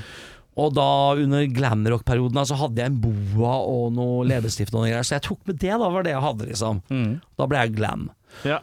Og så hadde vi det Mm. Jeg synes det er showet. så, jeg må bare beklage, jeg, men jeg syns det er så morsomt å høre, fordi at jeg husker at det var en fase når Wigwang um, dukka opp i diver- diverse settinger, så var det en sånn herlig usikkerhet av hvor mye av dette er kødd, Ja, hvor bare, mye- Det var bare kødd! og hvor mye er dette Hvor selvhøytidelig, hvor ikke selvhøytidelig, og den å ikke vite. Men da skal jeg fortelle deg helt ærlig, for i førsten så var det her bare fun. Ja, For vi skjønte at det her er jo så fucking far out Mm. å stå i de kostymene. Vi var altså Vi var Spinal Tap, eh, på en måte, og vi var også eh, det, Hva heter det? Um, Steel Panther. Ja, ja, Mm. ja. Altså, årtider før Steel Panther var f- oppfunnet. Vi hadde jo, jeg begynte å lage sånn historie på natta, husker jeg. Sånn at eh, At vi liksom hadde Sånn backstory? Kommet, ja, vi hadde kommet fra USA, ja. Ja. Vi var eh, amerikanske flyktninger, musikalske flyktninger. Vi, hadde, vi, vi kom opprinnelig fra The Polish Quarter of, of Brooklyn, nemlig kalt Bronsk. Med Z. Bronx. Bronsk. Ja. Du bare lager din egen bydel, ja, ja, ja. Vi hadde gitt ut tre skiver først eh, på slutten av 60-tallet. Hadde gitt til helvete. Jeg ble narkoman og full av gjeld og sånn. Og så- Og så på fester og så hadde jo folk stjålet låtene våre, blant annet Paul Stanley og forskjellig. da Selvfølgelig. Og, og Ja. Bon Jovi og sånn. var Skikkelig snylta. Og så, og, så, og så nå hadde vi da endelig kommet sammen og hadde comeback. Ok. Og så tok vi Så det er tilbake den- de den originalskrevne andre- låtene våre, og så, og så spilte vi de. Og vi spilte bare coverlåter. Ja, ja, ja. Eh, kun coverlåter. Og jeg husker første gang vi skulle spille på Pianobaren i Sarpsborg. Da lagde jeg en pressekonferanse i Sarpsborg Torvby, i storbyen. Og der var det en internasjonal pressekonferanse, og jeg hadde leid inn jeg k- kødder ikke, leid inn eh, teaterfolk som da skulle være fiktive pressemennesker. Fy faen, det er bra. ass. Ja, veldig bra. Og så, så der sto plassene liksom med navnlapper på hvem som var fra hvilke steder, og der var BBC, der var The Harrows, The VG, og liksom Hold nå boy det blå, det var så alt mulig rart, da. Og jeg husker når vi skulle komme dit, da hadde jeg leid inn en eh, toastmaster, og en som heter Alexander Hermansen, veldig flink eh, sånn toastmaster-fyr fra, fra Fredrikstad, som da var i Tox og greier, ikke sant. Og han holdt da på med auksjon, auksjonerte bort de originale Wigwam-kostymene fra 70-tallet. og da hadde vi vært og Men hva plukka var- sammen i og sånne ting fra, fra Men hva var det du og greier, da. det var jævlig bra! Og folk kjøpte det, vet du. Ja, det ble bydd sånn 100 kroner og sånn, da. Men det var litt funny. Og så, og så husker jeg var hos Bernt, da, for han bodde jo like ved. Og da hadde vi hyrt inn sånn Har du hørt om Espen Lie? Espen Lie Han Han er- torpedoen? Ja, Nei. jo, Ja. vi hyrte inn han, vet du. Til hva? vi må ha bodyguards. Nei, helt sånn. Så jeg husker jeg sto da jeg sto på badet til Bernt og sminka meg, og så plutselig blir døra sparka opp, da. Secure, secure! Da kommer Espen Lie, og så er jeg bare Halla, Espen Lie her. Og så, han skulle liksom Slapp helt av, dere er trygge i mine hender og greier. da. Og han hadde på seg slåsshansker og sånn skuddsikker vest. Så hadde han noe sånn der- ja, det var- Altså, i bilen hans, det var- det var gønnere fra helvete. Og han skulle da eskortere oss da trygt inn i storbyen. Så ikke fansa liksom fikk tak i oss og sånn. da. Og så, og så husker jeg mens vi Men det ble er så kjørt rart, for dette her virker som en sånn intern joke. Ja, ja, det boble var dere jo bare det! lager for dere. Ja, ja, ja, men det var det! Og vi hadde det bare jævlig gøy. Hvor det er liksom noen utafor som er sånn Hva er det som skjer Ja, her og nå? ingen skjønte noen ting. Og ikke vi heller etter hvert. For at det, sånn som da vi satt og kjørte den bilen da nede, og vi satt på i hans øh, m- militærbil, da. Og så sier plutselig Espen Fy faen, jeg er så forbanna! For, Jaha? Så jævlig forbanna! Vet du, Bare si fra hvis du trenger hjelp, ass. For jeg, Han jeg klarte blir å så slåss. lynforbanna. Øh, Hva tenker du på? Ja, det er de jævla han som har stjålet låtene deres! Å, for faen, Og så, han skulle så jævlig ta dem, og jeg bare snur meg til Trond Holter, da, Tini, og sier Hysj! Ikke si noe! så, og, og vi kom da heldigvis trygt inn, og der var jo pressekorps og fullpakke, og hadde vi ja, hadde vi jo konsert på pianobaren da. Men eh, hvordan, Slik gikk nå, noen dager an. hvordan går dette galskapskonseptet inn i det kommersielle riket og faktisk klarer å etablere seg? Ja, det er helt sjukt. Vi begynte jo, vi ble jo en sånn party, litt sånn Love Shack er nå. Ja. Som er da sånn 80-tallspartykonsept. Vi var jo litt sånn Du fikk jo bare at vi kom inn med kostymer og pyro og ø, full pakke. Kjørte alle de kjente låtene. Eh, og begynte å få ganske m- stor skare som fulgte oss på den tida. Som de visste at når Wigan spiller, blir det party. Jeg Husker vi spilte i Kullåsparken, et sånt svært telt. Da hadde arrangøren satt frem krakker. Husker jeg sa ifra at vet du hva, kan bare glemme, fjern krakka, for Wigan spiller her i kveld. Nei, sånn skulle det være. Ja, ok, men da har jeg sagt ifra. Skyld deg sjæl. Og i andre låt så var jo kaos. Alle sto jo på krakker og på bord og sånn, og så Mm. ble det stagediving, og det var sjukebilen kjørte vel sånn ti mennesker til sjukehus, for folk datt jo ned og slo trynet sitt i asfalten. Og vi fikk jo pepper etterpå. Jeg måtte gå ut og si at sorry, Mac, men vi sa ifra. Og så, Sånn var det. Det var Ja, ja, ja. crazy. Og så begynte vi å få et sånt iboende behov for å skrive egen musikk. ja, det er Begynte naturlig. Mm. liksom å tro litt på det her, som faen var så kult å gjøre. Så vi begynte å skrive egne låter, og vi adda dem i settlista uten å si at det var våre egne låter. Vi lata som det var en Kiss-låt eller en Fanel-låt og sånn. Ja, ja, ja. Og det var jævlig Å kult. når ja, folk kom, men ja. dere sa ingenting. Dere Nei, bare begynte nei, å nei. spille låta, ikke Kom sant? bare etter eh, Jump eller et eller annet, så Ja, ja, ja. kom det plutselig en låt, og den ble ikke introdusert som en egen. Så vi fikk, vi fikk spilt mye egen musikk uten at folk visste at det var vår egen musikk, og fo- folk sang med på refrenga. Det var Ja. en kul greie. Når folk tenkte at det, å, det er jo en kjent låt fra den tida, og ja, sånn går den. Du skriver såpass catchy at det er umulig å ikke få det Ja, med seg heller. ja, ja, der var Bless the Night og Hard to Be a Rock and Roller og Ja, flere ja, ja. av de første låtene på første Wigam-skiva ble presentert live på den måten. Ja. Og folk kom jo tilbake til backstage liksom Faen, den, den der Kiss-låta Hvem da? Og så begynte de å nynne det refrenget og Ja, faen, det er- det er vår egen, liksom. Hæ? Mm. Så vi tenkte det er kanskje på tide å begynne å gjø- spille inn litt låter. Gikk til Ole Enerud, som da hadde vært eh, Dette- Er dette Ole Idolet? ja, Han var Ja. jo sjefen til Trond før. Ja, riktig. Trond var jo hans høyrehånd. Han Ja, skrev ja, jo ja. masse låter sammen med Ole. Han var jo en del av Ole og Men Ole jentene. Idolet er primær popfyr, eller? Nei, men han kommer fra rock'n'roll. Han kommer fra Billy Idol og Sweet. Ja, og ikke pakka, sant. så han er jo opprinnelig en eh, glamrocker. Ja, Ole. ja, ja. Eh, men så ble han jo pop og, og produsent og corporated og sånn etter hvert. Eh, men han er egentlig en rocker i bunn og grunn. Og, men han kunne liksom ikke hjelpe oss, for han, han digga jo Wigwam-konseptet. Man sier at eh, Hvem er det som kjøper sånn musikk i Jeg skjønte dag? ikke hvordan det, han skulle nei, selge det det, var, nei. nei, for det var liksom ikke noe marked for det. Det var liksom før eh, Darkness og den pakka der. Mm. Og ingen hørte på den musikken. øh, Og, og så var det liksom snakk om skulle vi spilt inn liksom de, de eh, liveversjonene vi gjorde av coverlåtene, eller originallåtene våre, Mm. med Kiss og Bon Jovi og sånn. Nei, heller ikke det, og det skjønner jeg jo godt. Og vi forsto hvem Hvorfor skulle du kjøpe en ACDC Hvorfor skulle du kjøpe Highway to Hell Wigwam hvis altså, du kan få med Ja, ja, ACDC? ja. liksom. Så, men han hadde et forslag. At det var hvis dere spiller inn eh, heavy eller eh, metal-versjoner av boyband-låter? Det er ingen som har gjort. Så vi gikk i studio Det er så til- rart å bare legge det på bordet. ja, ja, ja, men allikevel. Ole har alltid vært sånn, kommer med jævlig eh, cra- crazy ideer, og vi tester det ut. Ja. Så vi var faktisk, det fins faktisk versjoner av I Want It That Way. Ja, Backstreet Boys. Ja, Oops I Did It Again. Britney Spears. Ja, og I Turn To You. Jeg turte, hvem er Mel det? C. Mel C, ja. Den ble for øvrig da med på vårt første album. Det er på en måte restene av den Å, ja. pakka vi gjorde sammen med Ole Evenrud. ja. Så, men vi syntes det var så kul den versjonen. Vi gjorde- tenkte vi gjøre en sånn Billy Idol-variant av den låten. Eh, og- og den ble så kul at vi tok den med på første skiva. Ja, men så, så Nei, det gikk litt, vi falt liksom ikke for det, så vi fant ut at vi må gjøre det på egen måte. Vi hadde jo ikke noe penger, og ikke noe studiefasiliteter. Så Trond krakka et Cubase-program, og installerte et studio hjemme i kjellerstua. deilig ja, når du kunne bare cracke ting. Ja. Mm. Det var deilig, ass. Han fikk, fiksa det, og fikk faktisk lyden liksom opp å gå. Så vi spilte inn den første plata i kjellerleiligheten til, eh, til Trond. Jeg sang inn alle låtene på soverommet til han og kona.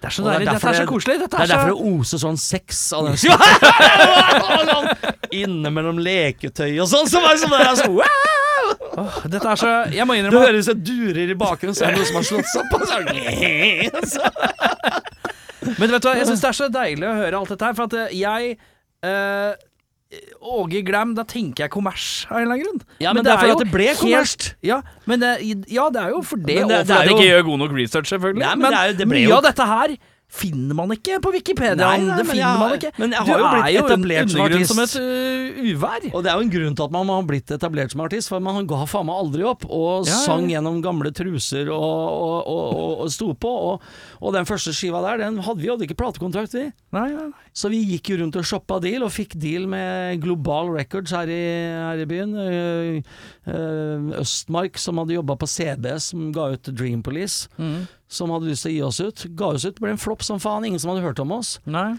Så vi tenkte vi, må, vi bytter plateselskap, syntes ikke det her var bra nok, så vi f- signa med VME, Voices of Wonder, undergrunnsselskap så det holder. Mm. Eh, og så sendte jeg Crazy Things We Do For Love til, eh, til MGP. Ja. Jeg tenkte at vi må, vi, vi, vi blir ikke hørt, ingen Men ser hvorfor oss. tenker du at du skal sende fordi din tidligere erfaring med det, da? Nei, eh, Eller hva er fordi at jeg tenker at hvor er det man kan bli sett? Vi prøvde Eksponert, alle, ja. Mm. Eksponert. Vi prøvde alt. Ingen som ville altså vi, Da begynte vi å spille mye steder. Vi hadde jo hatt både Slade og Sweet som oppvarmingsband i Kullåsparken. Vi hadde en svær following i Østfold. Ja. Men det var liksom fortsatt ingen som hadde lyst, lyst til å tro på oss, da. Mm. Men det er jo for veldig mange som er band som er i den situasjonen, da er det den der endeløse turneringa da, som eh, de lener seg Og på. vi turnerte fra helvete, men det er klart at hvor mye hvor mye får du ut av å spille i Namsos og tre mennesker, da? Vi, vi Nei, ikke reiste jo sant? Mm. land og strand rundt og turnerte, vi. ja. Men det er bare interessant at da bare tenker du OK, alternativet Grand Prix. Ja, men vi, vi, jeg, det vil si, jeg tenkte på det som en Det er en mulighet, så jeg sendte den ene låta vi hadde da på skiva. Ja. Eller det var faktisk før vi ga ut på Global Records, faktisk. Den var ikke gitt ut ennå. Så jeg sendte jo den låta til, til Grand Prix, og så bestemte de seg for at dere- Eller det vil si, vi var på audition på smuget. Å ja. ja. Og kom dit ned i disse draktene våre. Ja, for dere kommer i full staffasje? Ja ja, og vi Ja, var på vei til et gig. ja, for dere skal jo selge en pakke. ja, og ikke bare det, men vi var på vei til gig. Vi gjorde mye events på den tida, 80-talls-events. Ja, ja, ja. Og ned der og gjorde den låta. Jeg husker liksom folk humra litt, disse høye herrene fra M- NRK og sånn. Du så- Se på de gutta, så fy faen, det her er flaut. Og så satte vi av med låta, og under den låta så var det akkurat som på Grease.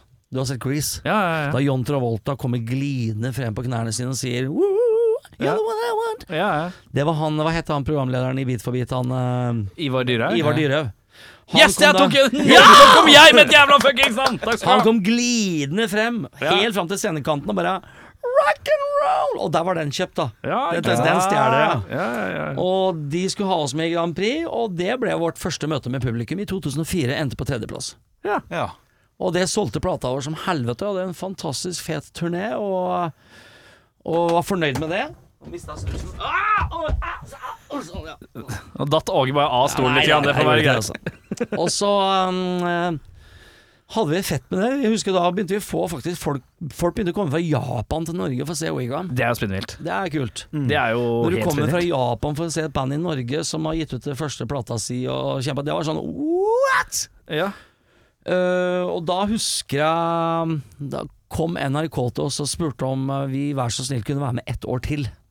Ja. For, for eh, eh, Grand Prix var da en litt sånn downhill, og de syntes at vi tilførte MGP et eller annet nytt. Det, var, liksom- det ble nesten som en rockefestival, for alle disse gærne Oigwa-maniacs-folka da Mm. kom da med liksom de der crazy klærne sine, og de lagde så liv og furore. Og det var, det var en Per eh, Per fra Nord-Norge Ja. som Hva het han? Per eh, Sunnes? Per Sundnes ja. som drev eh, MGP da. Så han syntes det var så flott med noe nytt, da. Og, og så fikk vi spørsmål om vi kunne være med ett år til. For at den- det norske folk var jo ikke klare for dette her ennå. Men I det 2000 påfølgende året, eller? i 2005 ønska Ja. om at vi skulle være med. Og da sa vi faktisk nei. Nei, vet du hva, been there, done that. Vi kom på tredjeplass, vi har det fett, eh, plata vår har begynt å selge, vi er ute og gjør det vi har lyst til å gjøre. Så Det er, altså på en måte eh, Drahjelpa du søkte, var det, du, det var jo akkurat det som funka? Ja, vi hadde fått drahjelpa. Det Ja, ja. Mm. funka. Vi var plutselig et band som spilte rundt omkring. eh, Folk hadde blitt bevisst på at det fantes et band som het Wigwam utafor Østfold. Så vi hadde det veldig bra, og vi begynte å liksom få liksom tilbud fra utlandet. Liksom, og så, så vi takka nei, vi trenger ikke å gjøre MGP igjen. Og da fikk vi bare beskjed om at vet du hva, dere får velge låta sjøl. Og, og dere får gi ut låta på eget selskap og gjøre akkurat som Oi. dere vil. Altså, dere, og Dette bare er fortell- egentlig ganske gavmildt å Ja, være for- MGP, er det ikke? Fortell oss bare hva dere vil ha Mm. live. Vi, vi tror på det her, liksom. Ja. Så vi begynte å, å Og vi skulle ut med nytt album, så vi hadde skrevet et par-tre låter. Og vi eh, husker vi sloss litt mellom hvilke låter det skulle bli. Jeg hadde ikke tro på In My Dreams. Nei. For den begynte jo Det var liksom et, en lang intro som var Tenkte Tenkte du at det ikke var fordøyelig nok? Nei, det var liksom fire takter med intro-gitar før du kom til noe greie, og jeg, så jeg sier til Trond at vet du, hva, jeg har ikke tro, altså skal vi skal den låta her eh, bli hørt og ha noe å gjøre i MGP, så må du gå på, rett på ja, ga, ga, ga, ga, ga, ga, ga, Come on! Rett Ja, på bøtta. ja, Og det gjorde vi, og da har jeg tro på låta. ja. Og så valgte vi In My Dreams, og The Rest Is Wigwam History. Og det bare gikk til helvete og 90, og vi spilte typ 200 og et eller annet eh, konserter i 2005 og Fy faen, 2006. det er så mye, vet du. Det er helt Ja, vi hadde booka, du vet at vi, det var ingen som trodde at vi skulle vinne, så bookingselskapet vårt, artistpartner, vi hadde booka 70 gigs. På vei, bare pga. at vi skulle være med i Grand Prix. Så vi hadde 70 gig, en 70 gigs-turné. Og så vant vi, og da husker jeg at eh, alle var helt apatiske etterpå. ja, ja, Både ja. plateselskap og, og booking For der satt det to gutter som drev plateselskapet vårt. ja, ja, ja. Og så satt det én fyr på artistpartner, og, det, og alle så på hverandre og sa hva faen gjør vi nå? Mm. og det skal jeg fortelle. Og, og vi var, altså, hva, hva faen skjedde, liksom? Eh, og du vet at de 70 jobbene ble jo mer enn nesten dobla, ikke sant? ja, ja, ja. Eh, fordi Altså, én ting var at eh, det kom mye forespørsler, men hyrene ble jo tripla. ja ikke sant. Så vi spilte ofte tre gig om dagen, vi. For vi kunne ikke takke nei til det f- jævlig fete giget i Hamar, selv om vi hadde Fy faen, jeg klubb. skal, jeg skal spille én konsert i oktober og én i november. Jeg, synes, jeg gruer meg til Ja, Jeg ja. tenker det blir slitsomt. For å fortelle én episode vi skulle spille på Island, eh, på, på, på Reykjavik. Ja, Da kom vi rett fra et gig eh, nede i Stavanger, eller gig nummer tre. ja, ja, ja. Da var vi på hotellet i tolv-halv ett-tida. Da hadde vi wake-up call halv tre. Fy Og da, var det, da hadde vi altså akkurat den ene og en halv timen å sove på, da, og så, så var det opp halv tre, for vi skal rekke da et fly som gikk videre til Danmark, som gikk videre til Reykjavik. Men eh, på, Og da- jeg må bare kjapt spørre. I dette her, i denne stormen, da, i den tornadoen her nå, holder man det nøkternt, eller er man i festmodus? Du, det er nettopp det. Det er et godt spørsmål. For at dere, når du skal være the motherfucking crazy glam, som er den figuren jeg skapte som da fronta Wigwam, han skulle han, Han skal Det være party var kontrakt med all night publikum. long. Ja, ja, det var kontrakt med publikum. Han var klin gæren. Og det er klart, at når du har spilt tre gig hver dag, sånn og sånn, og du har kanskje sovet en halvtime da, en time da, og du kommer på et hotell, du har en halvtime til du skal på neste show Det ligger en pizza og venter på deg utafor hotelldøra, liksom. Det er det du skal spise mens du tørker klær. Vi hadde ikke med påkledersker og sånn. Nei, nei, nei. Og de, de kostymene mine, de, var, altså, de, de, var- de rant. Så jeg hadde poser som jeg hang opp på hotellrommet til tørk. Ja, ikke sant. Eh, og sto med føneren og føneren og så bare, Du skal møte ham om fem minutter. Ja, men jeg driver, jeg må få tørka driten. Ikke Skjønner du? Ja, ja, Det var livet vårt på den tida. Hadde, jeg- hadde det vært nå, så hadde vi jo hatt med folk som gjorde det tok satt av det. Ja, ja, ja. Men det her kom jo som julekvelden på kjerringa. Eh, så det er klart at det gikk til helvete, og, og på Raideren så hadde jo jeg ofte flaske konjakk. ja. Og den forsvant i løpet av en dag, altså. Flaske konjakk om dagen. Ja, det er eh, ganske heftig, det. Det er- ryddig, det, altså. Ja, jeg blir- Gjør kjenner mye det. rart på ei flaske konjakk om dagen. Ja, det tenker Så jeg. det er klart det er, Og det, det er klart I ettertid så tenker jeg at jeg skulle jo, Vi skulle jo satt oss ned og sagt til bookingselskapet og sa at Vet du hva, eh, det her går utover oss som mennesker. Eh, Det, det er ikke mulig å få til. Mm. Ja. Men vi fikk bare servert nye datoer, eh, nye schedules. Så vi bare liksom kjempa vi for å overleve, Mm. og midt i det kaoset der så bare kaster du i deg Heldigvis aldri noe drugs, det var bare sånn for min del b- bare vin, øl Mm. og masse konjakk. Og det er klart at det var ganger jeg ble kledd av og båret i seng, liksom, for at du Mm. var helt ødelagt, og så skal du opp dagen etter, da, kanskje klokka fem, for du skal rekke ferge. Mm. Og, og da er det fort gjort å kaste innpå en ny konjakk for å komme over neste, og det er klart Ja, at ja. Konjakk er ikke bra for stemmen. Søvn, lite søvn er ikke bra for stemmen. Ingenting av dette er bra Nei. for stemmen. Så Spille jeg- tre konserter om dagen er jeg drakk ikke bra for jævlig stemmen. mye heller. melk. jeg gjorde det! Hver, hver gang jeg satt nede i resepsjonen, så bestilte jeg et svært, øh, svært glass med konjakk før vi dro på gig, og en halvliter med, med, med helmelk. For jeg tenkte at øh, helmelk, da får jeg i hvert fall litt sånn Smørning, Litt liksom. lite sekret, Ja, ja, ja. du vet. Nei, så det det gikk lov å unna i si noen år, og sekret? så gikk unna i noen år, og helt til 2000 og, og innimellom i den pakka så relanserte jeg jo soloplata mi Gesten. Jeg kalte den da for Ja. Åge Steen Nilsen, og jeg Wolf and Butterfly, og så Jobba du med låtene igjen eh, på noe vis, eller sånn- ja, bare jeg, jeg, jeg spilte inn noe nytt, og så øh, remiksa det og gjorde det sånn som jeg ønska. Ja, for du tenkte ikke at du hadde nok å gjøre? Nei, jeg bare syntes det var så jævlig morsomt å få gitt ut den plata på nytt, da. Ja. Og så, og så øh, gjorde jeg en del andre ting òg. Så øh, i 2007, da vi kom fra en Japan-turné, da, da sa gutta faktisk til meg at nå, nå orker vi ikke mer. Ja. Nå, det er, nå, nå må vi ha en pause, liksom. Vi, vi må ha en pause. Eller det vil si at øh, jeg, alle levde jo av det. Mm. Vi er nødt til å jobbe til sommeren, men da er vi nødt til å jobbe på ett og samme sted Mm. hele sommeren med familien rundt oss, ellers blir alle skilt. ja, ikke sant. Og Det er lett når det er rockeband. da Eh, Du skal spille på ett sted, en sånn resi residential eh, greie i Norge. Det- Residency? Vi, vi bor Ja. ikke i Las Vegas. Nei, nei, nei. Ja, Vi skal ikke turnere, for jeg var jo der at vi må ut og Mm. turnere. Nei, vi må holde oss på ett sted. Ok, Men det- Hvordan faen skulle vi få til det? Altså? Nei, det blir 24 datoer på eh, pianobaren i Halden. ja. Nei, det hadde jo ikke gått, men jeg fikk det til. Jeg dro faktisk da og hadde et møte med Hundefossen. Å ja. familiepark. Ja. Og kom tilbake til gutta og sa vet du hva, jeg fiksa det. Hæ? Ja, vi skal bo i hele sommer, skal vi bo på Hundefossen.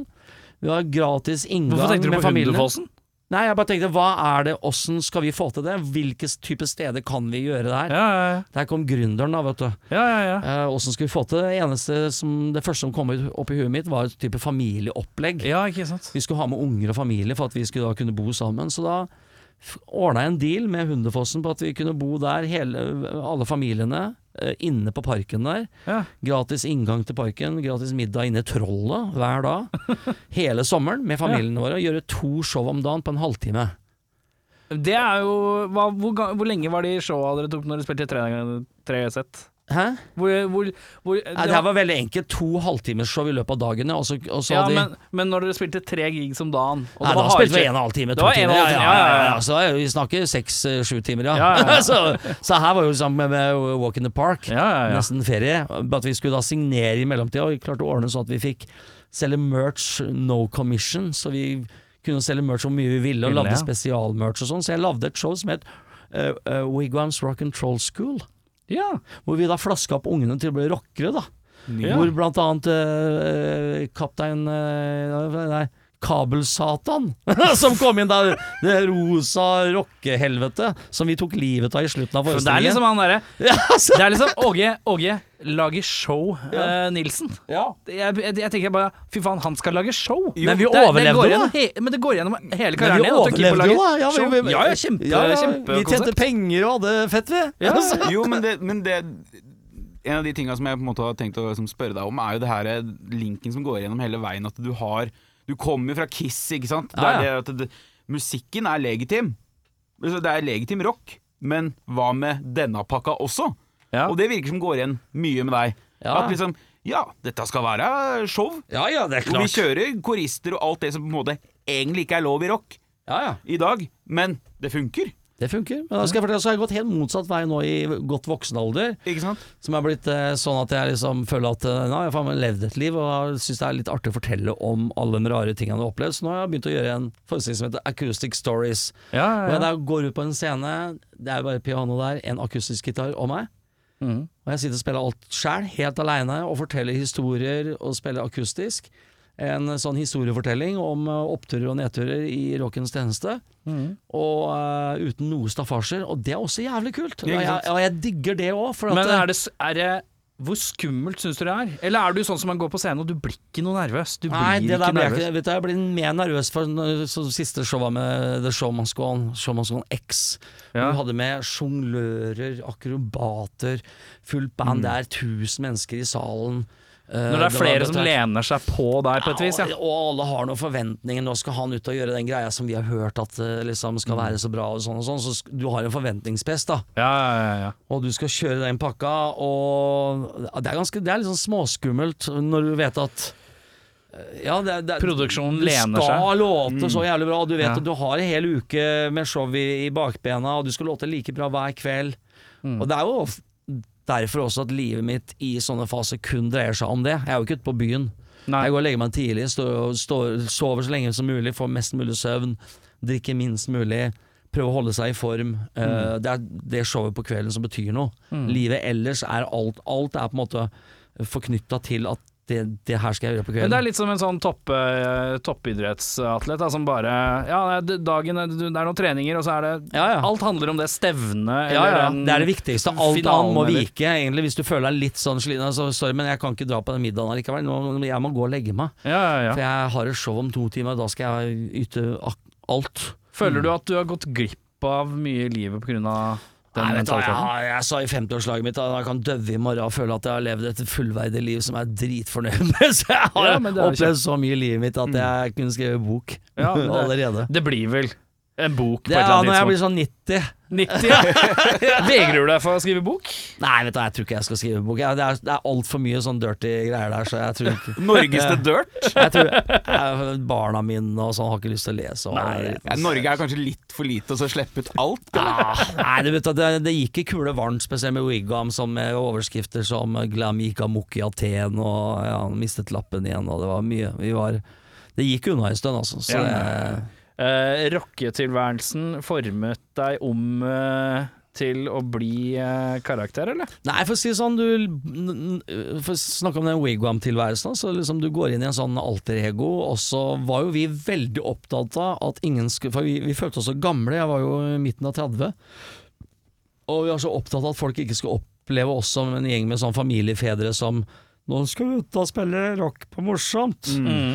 Så vi hadde jo Vi fortalte jo ikke noen om øh, vår privatstatus. Det var før Facebook. Ingen visste s- Altså, folk kunne liksom leve litt fortsatt i fantasiverden. Du kunne holde karakteren eh, Ja, det var uten litt at den ble lettere. avslørt. Ja, litt lettere. Eh, Når vi vant i Grand Prix blant annet, så har vi jo en avtale med, med konene våre, vi var jo godt gift hele gjengen, eh, at eh, i kveld er vi i Wigwam, så i kveld så er ikke noe sånn sammen med sin kjære sånn og sånn. Så jeg husker at når jeg gikk forbi kona mi inn på smugen på rød løper, så hadde vi bare et litt, vi kastet ett blikk til hverandre, og så hadde vi en sånn liten sånn, noen fingre, tegn, som kom, liksom? nei, men fingre som kom strøk borti hverandre på vei. Og Ja, ja. ellers så var jo Wigwam in character. Ja. Ja. Og to dager etterpå så ble vi kalt inn på Se og Hør-kontoret, for vi skulle jo gjøre noe, eh, noe pressegreier med de. Og mens vi da prater med han eh, seniorjournalisten, så ser vi at på bordet så har han bretta ut bilder. Og av det ene sekundet eller to hvor blikka våre falt på hverandre, og den hånda Det hadde han traff, tatt med seg. det var det 200 bilder av, liksom. Ja. Og det var en sånn makt, eh, liten maktfaktor sånn By the way, we have all the photos. Ja. Ja. Vi kan fortelle den historien vi vil. Ja. Og vi ønsker å fortelle vår historie som at vi er, vi er wigwam, og vi er på en måte alder, aldersløse, og vi har ikke noe liv, vi er bare Ja. de karakterene. Så, så allerede der fikk vi jo skjønte vi jo reglene i det gamet der, da. Tøft. Så vi, vi var med på mye mye se og hør-greier for å på en måte tone ned det, pri- alt det private og sånn rundt. Ja, da. Eh, så dere måtte spille på lag med de for Vi spilte at, på lag eh, med Se og Hør og Her og Nå for å unngå og, og gjorde heller en sånn artig reportasje istedenfor at det sto at dere by the way, Mm. her er huset og her er unga og sånn. Ja, ikke sant. Og for de hadde jo ikke bedt om å være i medias-søkelyset. Nei. Nei. Men eh, nå har vi snakka om fortiden, vi må snakke om fremtiden. Hva skjer i livet Du, framover? det er jævlig mye. Eh, nå har jo vært korona, vært veldig stilt, men i, i den koronaen så har jeg jo eh, Blant annet funnet kjærleiken rett før, eh, før vi Jeg leste, jeg leste noe om dette her. Jeg har funnet deg en eh, Fortsatt stormende forelsket der, vet du. Deilig. kjære. Godt, Nei, men jeg, godt, er- jeg, må- jeg må si, vet du, hva, Deilig å kunne si det. Jeg er dritforelska. ja. Eh, sånn, eh, og vært det i tre år. Eh, ja. Skal gifte oss neste år. Og Gratulerer. Synger. Ja, takk. har det dritfint sammen. De synger, og vi har, eh, vi har fått etablert et lite studio eh, i huset, og vi liksom lager låter sammen. Eh, elsker å være sammen. Jeg har tatt eh, de tar eh, jegerprøven, fått oss valp, så jeg skal ut nå og begynne, å- begynne å liksom få meg hagle og eh, alt mulig rart. Ut og skyte rådyr og ting. Så liksom flytta til Melhus, blir trønder. Det er Eh, Melhus ja. sin Ted Nugent. Eh, Nei, nei, men det er helt topp. Og så er det masse herlige folk oppe i Trøndelag. Og så, og så har jeg jo liksom eh, begynt å egentlig lukte litt mer på blomstene, altså. Ja. Ikke det stresset. Jeg Ja. koser meg jævlig mye mer med alt jeg gjør. Ja, men er det litt sånn en tanke av sånn Nå har jeg vært eh, gjennom tornadoen. Jeg, nå eh, Det er økonomisk er det greit. Kjærligheten er Ja. på plass. VG-prøven er snart på plass. Ja. Litt av valp å passe på. Dette er- nå, nå, nå skal vi kose oss resten av veien. Det er litt sånn. Ja, Men du ja. vet at når du, når du har musikk og rock og sånn som, som, eh, som hobby, da. Så blir det jo til at du, du er jo, når man er et ja-menneske, har lyst på gøy altså Jeg er ikke ferdig med livet, altså herregud. Mm. Så nå, nå har jeg vært i eh, Stockholm og sunget noen låter med John Norum, gitaristen i Europe, så jeg er med Å, på ja. den nye soloskiva hans. Så er vi i gang med et prosjekt eh, med gitaristen i Pretty Maids. eh, Ja. Ken Hammer, for mm, vokalisten i Pretty Maids, han fikk kreft, så de har ikke fått vært ute og spilt. Så jeg har fått med oss eh, trommeslageren fra Hammerfall og eh, tidligere bassisten Eller tidligere, tidligere trommeslageren i Ammunition er nå bassist. Så vi skal ut og gjøre noe ting, og så er jo Wigwam jo hatt reunion. Ja. Mm. Så vi har jo nettopp gitt gitt ut et nytt album, driver og skriver litt nye låter nå. Og så er jeg ute med et soloopplegg som heter Full Circle, med alt det beste fra hele karriera. ja. Og så skal jeg ut på turné neste år med Acoustic Stories igjen. Og så, og så driver jeg og skriver låter for GP, da. eh, Og skriver låter for andre. ja. Og begynte å skrive litt på norsk. Og nei, det er masse, masse artig, altså. Det er, det- altså det, men det er jo noe med at når du først på en måte er eh, jeg holdt på å si, blitt vant til å spille tre gigs om dagen, ja.